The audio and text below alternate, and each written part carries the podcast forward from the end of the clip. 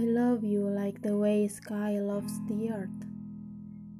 Even when I know it's impossible for us to be together, my love for you will never be gone forever. I try to make you realize my existence as rain. Although I can't reach you, I will always pouring the water to your land.